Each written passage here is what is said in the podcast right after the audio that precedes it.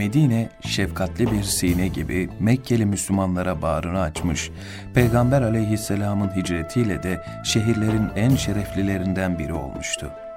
Medine bir Müslüman beldesiydi artık. Cenab-ı Hak bütün müminlere Medine'ye hicret etmelerini emretmişti.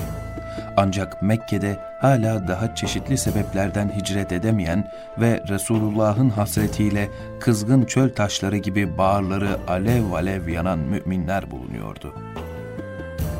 Cündep bin Damra onlardan biriydi. Hastaydı ve çok yaşlıydı. Hicret etmekte gecikmiş, Rabbine yalvarmaya başlamıştı. Ey Allah'ım! Beni müşriklerin yurdundan çıkarıp hicret yurduna kavuştur.''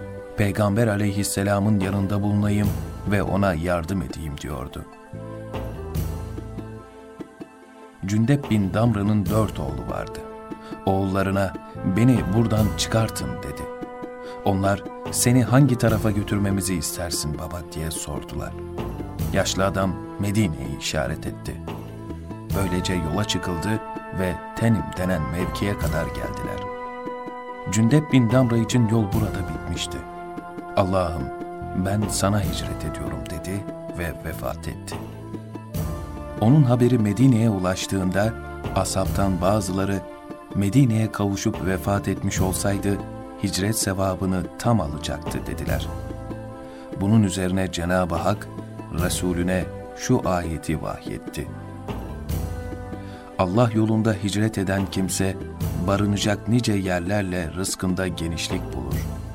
Kim Allah'a ve Resulüne hicret etmek üzere evinden çıkar da yolda eceli gelirse onu ödüllendirmek Allah'a kalmıştır. Allahsa çok bağışlayıcı, çok merhamet edicidir. Nisa suresi 100. ayet